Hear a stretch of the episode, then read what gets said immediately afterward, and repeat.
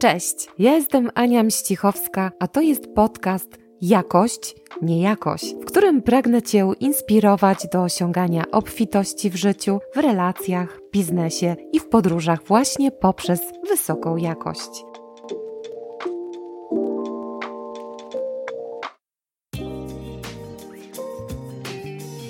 Przyszedł do pracy i miał zrobić tabelki w Excelu. Swoją pracę wykonał szybko i zwinnie, ale szef nie chciał chwalić dnia przed zachodem słońca. Zlecił mu kolejne zadanie. Na pytanie, po co ma to robić, nie uzyskał odpowiedzi. Następnego dnia nie przyszedł do pracy, uznając, że ta praca nie dla niego, bo nie widzi sensu w robieniu tabelek bez celu.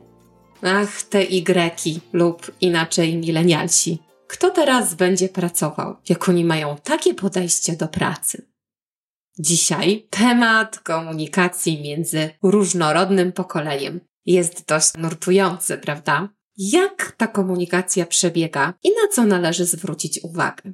Nie wiem, czy wiesz, ale obecnie w firmach pracuje nawet do pięciu pokoleń i zdarza się, że dochodzi do niesamowitych zgrzytów. Z dzisiejszego odcinka dowiesz się, w jaki sposób komunikacji takiej międzypokoleniowej działa najlepiej, a jaki jest po prostu nieskuteczny i niekoniecznie warto go stosować. Jakimi cechami charakteryzuje się pokolenie milenialsów? No i też będę koncentrować się na tej komunikacji takiej biznesowej w firmach. To wszystko, do czego udało mi się dotrzeć, to przede wszystkim jakby moje takie życiowe spostrzeżenia, doświadczenia, które też mam w pracy, ale również badania przeprowadzane przez różne instytucje i naukowców, które zostały zebrane w książce Piotra Stochni Koniec alfabetu, do której serdecznie Cię zapraszam. Dam Ci też kilka wskazówek i wskażę typowe potrzeby pokolenia Y i postaram się wskazać Ci skuteczne sposoby komunikacji. Zacznę od tego, że pierwsze Y przyszły na świat na początku lat 80. XX wieku. Przyszli na świat w czasie, kiedy nastąpił rozwój korporacyjnych tak zwanych pracocholików, czyli ich rodziców, Xów i baby boomersów gdy taki millennials patrzył na swoich rodziców, tudzież swoje rodzeństwo, gdy cały świat potrafił runąć dla tego człowieka, gdy byli wyrzucani z pracy, tracąc przy tym sens swojego życia. No bo wiesz, na przykład Xy pracowały bardzo ciężko. Też jestem z tego pokolenia. Rzeczywiście coś w tym jest, że jesteśmy pracocholikami. No i taki sens życia naszego to jest praca praca, praca, praca, jakiej raptem nie mamy, to świat nam spada po prostu na dno. I to jest taka pierwsza cecha i kluczowy niepokój pokolenia Y, myślę. Odziedziczona obawa o pracę. Jednak bardziej niż bezrobocia, myślę, że milenialsi boją się jednak takiej straty czasu dla organizacji, firmy, w której pracują, ale w którą totalnie nie wierzą. Nie wierzą w to, co ona robi, jak działa. Dlatego zaczęli doprowadzać do szału swoich przełożonych pytaniami. Po co? Dlaczego mają coś robić? Na przykład przekładać dokumenty z jednego miejsca do drugiego. Ten przykład, który podałam na początku, że gość pyta się, po co ma robić bezsensowne tabelki. Jak nie dostaje odpowiedzi, no to generalnie dla niego staje się to bezsensowne. W taki sposób, doprowadzając do szału właśnie tych swoich szefów, no i jednocześnie też tracąc jakikolwiek sens, no nie są lubiani, prawda? Poprzednim pokoleniom nikt nie musiał tłumaczyć, po co coś mają robić. Dostawali polecenia od szefa, a przecież słowo szefa jest święte. Pamiętam nawet takie obrazki na ścianach kiedyś w firmach były, że szef ma zawsze rację. Jeśli czegoś nie wiesz, patrz punkt pierwszy. Szef ma zawsze rację i słowo szefa jest święte. Jeszcze jeden taki ciekawy slogan. Klient nasz pan. Zatem nieważne czego chce, ma być zrobione. I koniec. I taka była narracja. Milenialsom dla odmiany zawsze tłumaczono i od najmłodszych lat wpajano, aby poświęcić się temu, co z nimi rezonuje, co dla nich pasuje. Dlatego też oczekują tego również w życiu zawodowym. No i jeśli tego nie dostają, no to będą pytać. Pytać po co, dlaczego A w najgorszym wypadku, jak nie dostaną takiej odpowiedzi, to po prostu odejdą. Nawet jeśli to będzie po kilku latach albo po dwóch czy trzech dniach przychodzenia do pracy. Wiesz, pokolenie Y pragnie i tutaj chyba powinnam wymienić takie trzy główne pragnienia pokolenia Y, czyli milenialsów. Po pierwsze, pasji w tym, co robią, takiego sensu. Dwa, pragną pozytywnego wpływu na rzeczywistość. Oni kreują świat, ten, który właśnie jest przed nimi. Chcą mieć w tym udział, chcą mieć udział w rzeczywistości i bardzo ważne jest dla nich, żeby ten pozytywny wpływ mieć. Trzecia sprawa, no to godziwa zapłata. Pragną godziwej zapłaty za swoją wykonaną pracę, ale pracę w pasji i z takim sensem pozytywnego wpływu na rzeczywistość. Dopiero wszystkie te trzy czynniki razem tworzą dla nich poczucie sensu.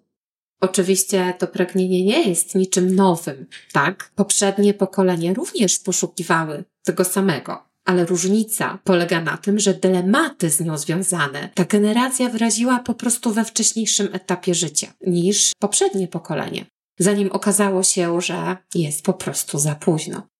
Starsze pokolenie, pokolenie Xów i baby boomersów, zamienialiśmy sens na bezpieczeństwo, następnie władzę, a potem na pieniądze. Na koniec jednak okazało się, że władza pozbawiona sensu staje się bez sensu, a gdy jesteśmy bezpieczni, pieniądze też szczęścia nie dają.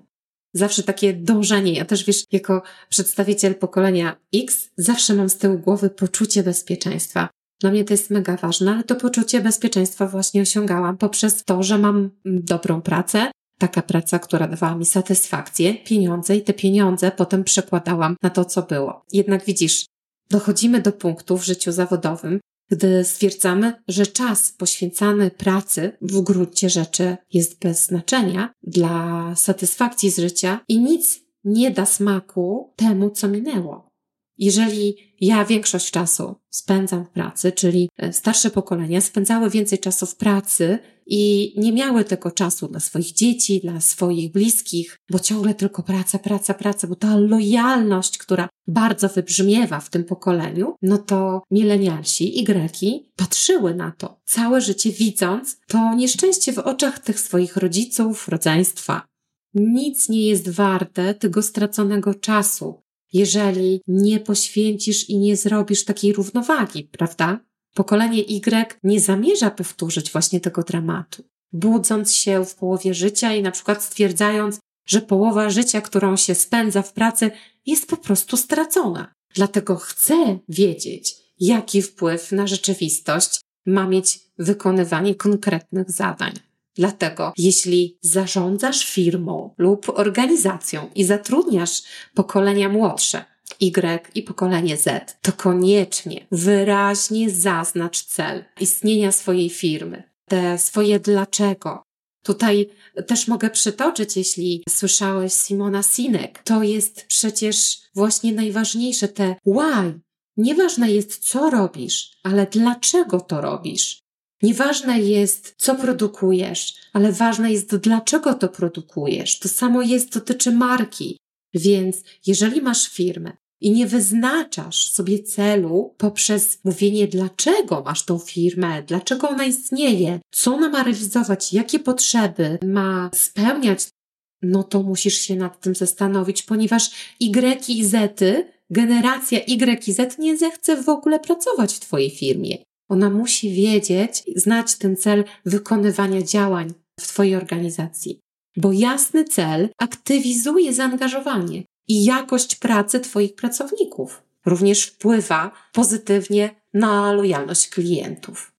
Takie wyniki zostały nie tylko mm, przedstawione, udowodnione w różnych raportach, badaniach, przede wszystkim raporcie Leadership Forecast z 2018 roku, ale również to w praktyce wychodzi. Wystarczy rozejrzeć się w koło i popatrzeć na firmy, które mają sens działań swoich określonych, te takie jasne why, to wtedy w tej firmie pracownicy zupełnie inaczej pracują. Zadbanie o wysoki poziom poczucia sensu w pracy to tylko jeden z wielu postulatów milenialsów i są w głównej mierze sposobem na to, aby firma po prostu zarabiała więcej.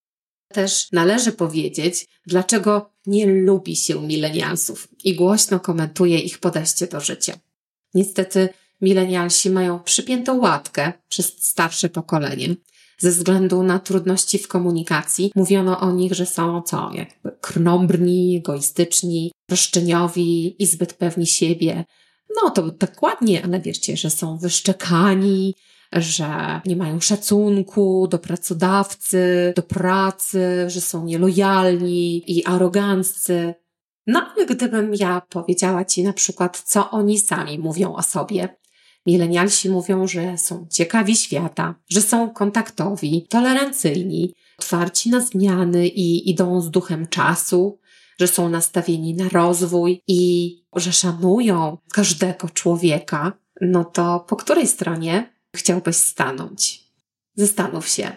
Oczywiście pokolenie X oraz pokolenie baby boomersów wychowywało według określonego schematu, czyli tak naprawdę ten wizerunek milenialsów stał się taki właśnie, a nie inny, bo zostali wychowani w takich warunkach. W warunkach przede wszystkim partnerstwa, byli stawiani w centrum zainteresowania, przyjaźni z rodzicami. Rodzice pielęgnowali ich wolność. Sama tak mam ze swoimi dziećmi. Uwielbiam to, tak naprawdę, bo ja mogę sobie ze swoimi dzieciakami porozmawiać o wszystkim. A w momencie, kiedy taki, wiecie, ton był nadawany dla mojego pokolenia, że dzieci ryby głosu nie mają, nie można było nam rozmawiać z dorosłymi, nie zliczyło się nasze zdanie, nie było szacunku. A my wychowywaliśmy już nasze dzieci, czyli to nowe pokolenie, to młode, w takich relacjach czysto partnerskich, i wzrastało poczucie takiej wyjątkowości tych dzieci, które stawiało tą pewność siebie dużo wyżej niż nasze oraz takie oczekiwania względem świata na bardziej jakościowym poziomie, na wyższym poziomie. Można powiedzieć, że to jest taki syndrom małego cesarza, czyli dziecko, które stało się partnerem w relacjach z rodzicem, co no, tak naprawdę spowodowało kolejną bardzo ważną cechę u nich, czyli taki instynkt równości, który co jest dla nich totalnie nienegocjowalny. Pamiętam, jak moja córka często powtarzała: Czemu ty masz prawo do mnie mówić brzydko, a czemu ja nie mogę ci odpowiedzieć tak samo brzydko? Jeśli ty mnie nie szanujesz, to czemu ja mam cię szanować? Upominanie, dopominanie się o tą właśnie równość, ten instynkt równości, który no, jest dla nich niepodważalny. Dla milenialsów firma to miejsce, w którym się ma rozwijać i wywiera pozytywny wpływ na świat. Wiesz, nie chodzi tylko o kasę. Nie miejsce, w którym się tylko zarabia pieniądze. To też mocno odróżnia milenialsów od poprzednich pokoleń. To jest właśnie kolejny bardzo ważny aspekt. Ten fakt, że wychowywali się w domach, w których rodzice nazywani byli helikopterami. Nie wiem, czy słyszałeś takie określenie? Rodzice helikoptery. I rodzicami takimi są właśnie baby boomersi, tudzież Xy, i właśnie oni fruwali nad głowami milenialsów, krążyli, krążący rodzice, zawsze blisko, zawsze w kontakcie, zawsze gotowi do interwencji, pomocy, bo powiem wszystko mamie. To się działo od najmłodszych lat. Nawet pamiętam zabawy na podwórku, kiedy dzieciaki krzyczały, ja wszystko powiem mamie, ja wszystko powiem tacie i potem przychodził taki tata, dryblas i mówi, kto tutaj mojego syna drażni, kto tu mojego syna przezywa brzydko, kto tutaj źle się zachowuje, zaraz prowadź mnie do swojej matki, ojca. I taka była walka, tak, o tego dzieciaka. No i ten rodzic zawsze zatroskany, a mi przy sobie telefon, że bo jak ja będę dzwonił i tak dalej. Czyli taka trochę nadopiekuńczość spowodowała, że ci milenialsi są tak przyzwyczajeni do tego stanu, że potrzebują właśnie tej uwagi. Ciągle to oni mają wpojone od dzieciństwa tą uwagę, I jak mieli rodziców, to tak jak idą do pracy, to chcą tej uwagi i tego właśnie takiego rodzica helikoptera, to chcą tego helikoptera po prostu nad swoją głową od swoich liderów, swoich szefów, swoich kierowników, swoich przełożonych.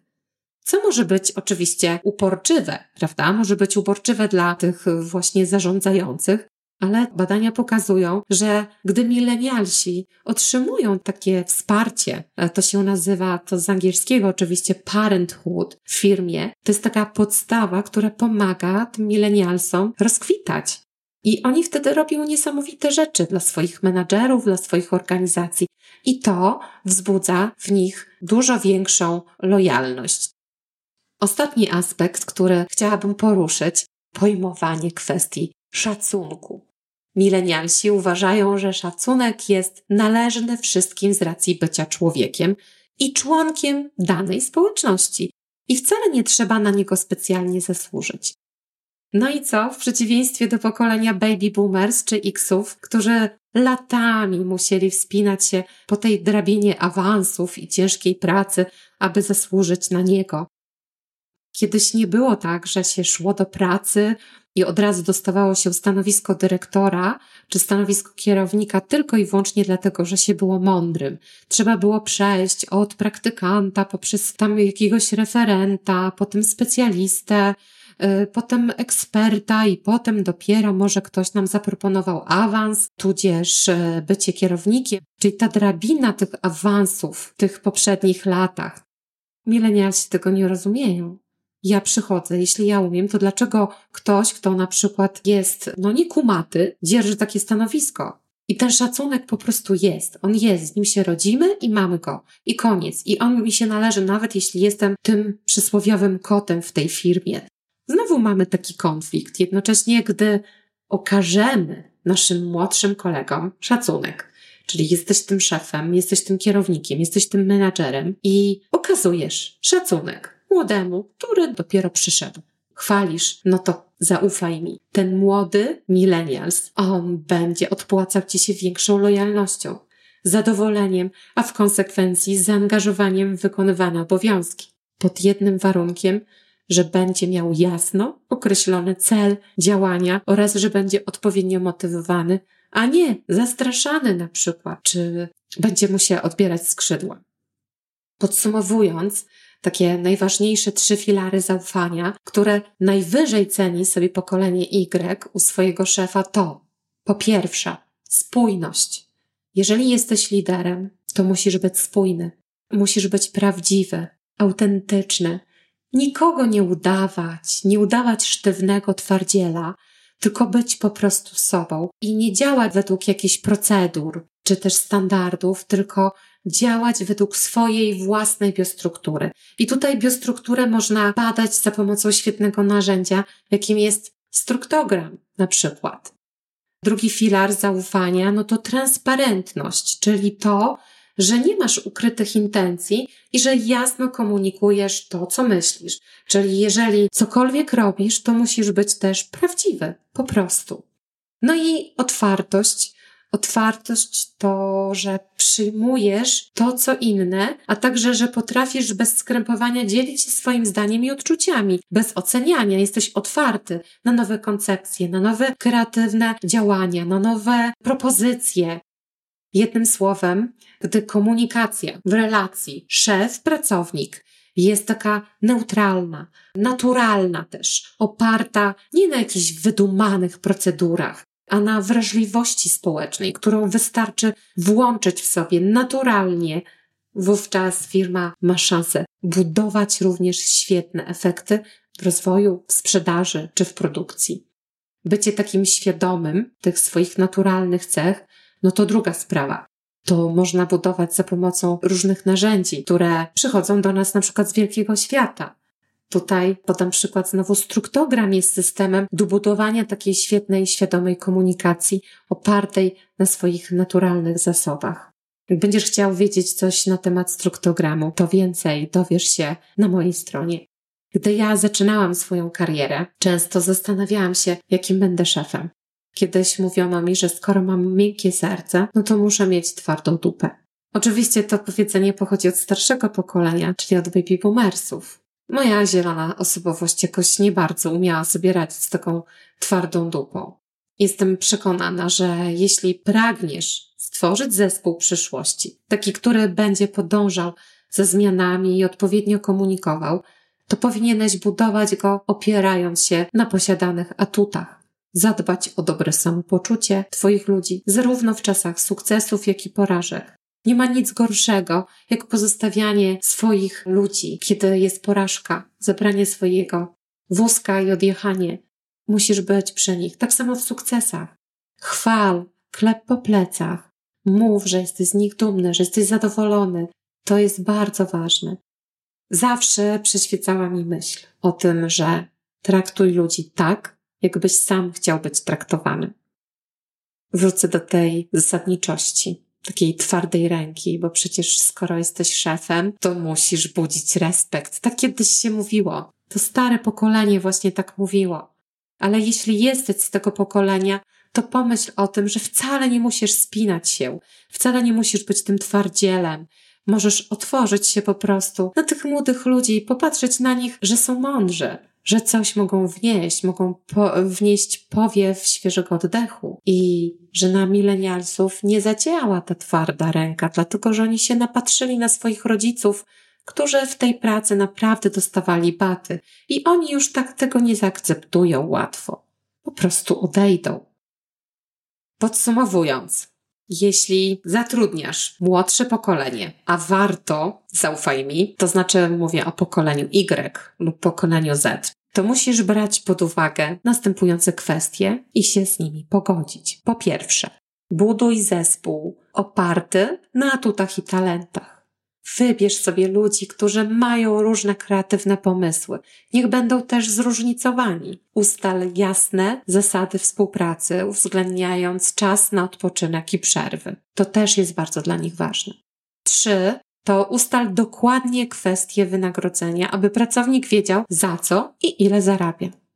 Zarobki, tak jak już mówiłam wcześniej, są bardzo ważne. Czwarty to ustal system premii tak zwany system gamifikacji, bardzo modny termin, który pozwala utrzymywać układ nagrody w mózgu w ciągłym stanie osiągania, czyli tak trochę można powiedzieć w takim stanie dopaminizacji, że im się po prostu ciągle chce, że są zmotywowani, czyli jednym słowem chęci do wydajnej pracy. Metoda małych kroczków i zawsze nagroda czekająca po każdym wykonanym tym małym kroczku. Nie ma, wiesz, nic gorszego jak dawanie marchewki, której nigdy się nie da osiągnąć. To jest w, w ogóle najgorszy system. I piąte, bądź rodzic, troskliwy, stawiający granice i konsekwentny. Zauważaj smutki, radości, sukcesy i bądź hojny w słowach wsparcia i uznania. Wyznaczaj jasno swoje oczekiwania i bądź sprawiedliwy. Nie narzekaj przy swoich pracownikach. Stracą motywację, gdy będą słyszeli lidera z marnej jakości energią i marną motywacją. Bądź wdzięczny i to okazuj. Bądź wdzięczny za każdy ten aspekt wykonanej pracy, za każdy uśmiech, za każdą dobrą wenę, pozytywną energię. Za wszystko się da być wdzięcznym. Wierz mi. Kolejny, siódmy, pozwalaj się rozwijać i pomaga się rozwijać. Również wspieraj. Ósmy, bądź elastyczny. Czasem tą samą pracę, co w 8 godzin, można wykonać dwie, jak się uda. Obserwuj to i oczywiście nagradzaj. No i generalnie te pokolenia nie lubią być wykorzystywane, więc też pamiętaj o tym, że jak zlecasz jakąś pracę i ktoś to zrobi w dwie godziny, to daj tej osobie wolne.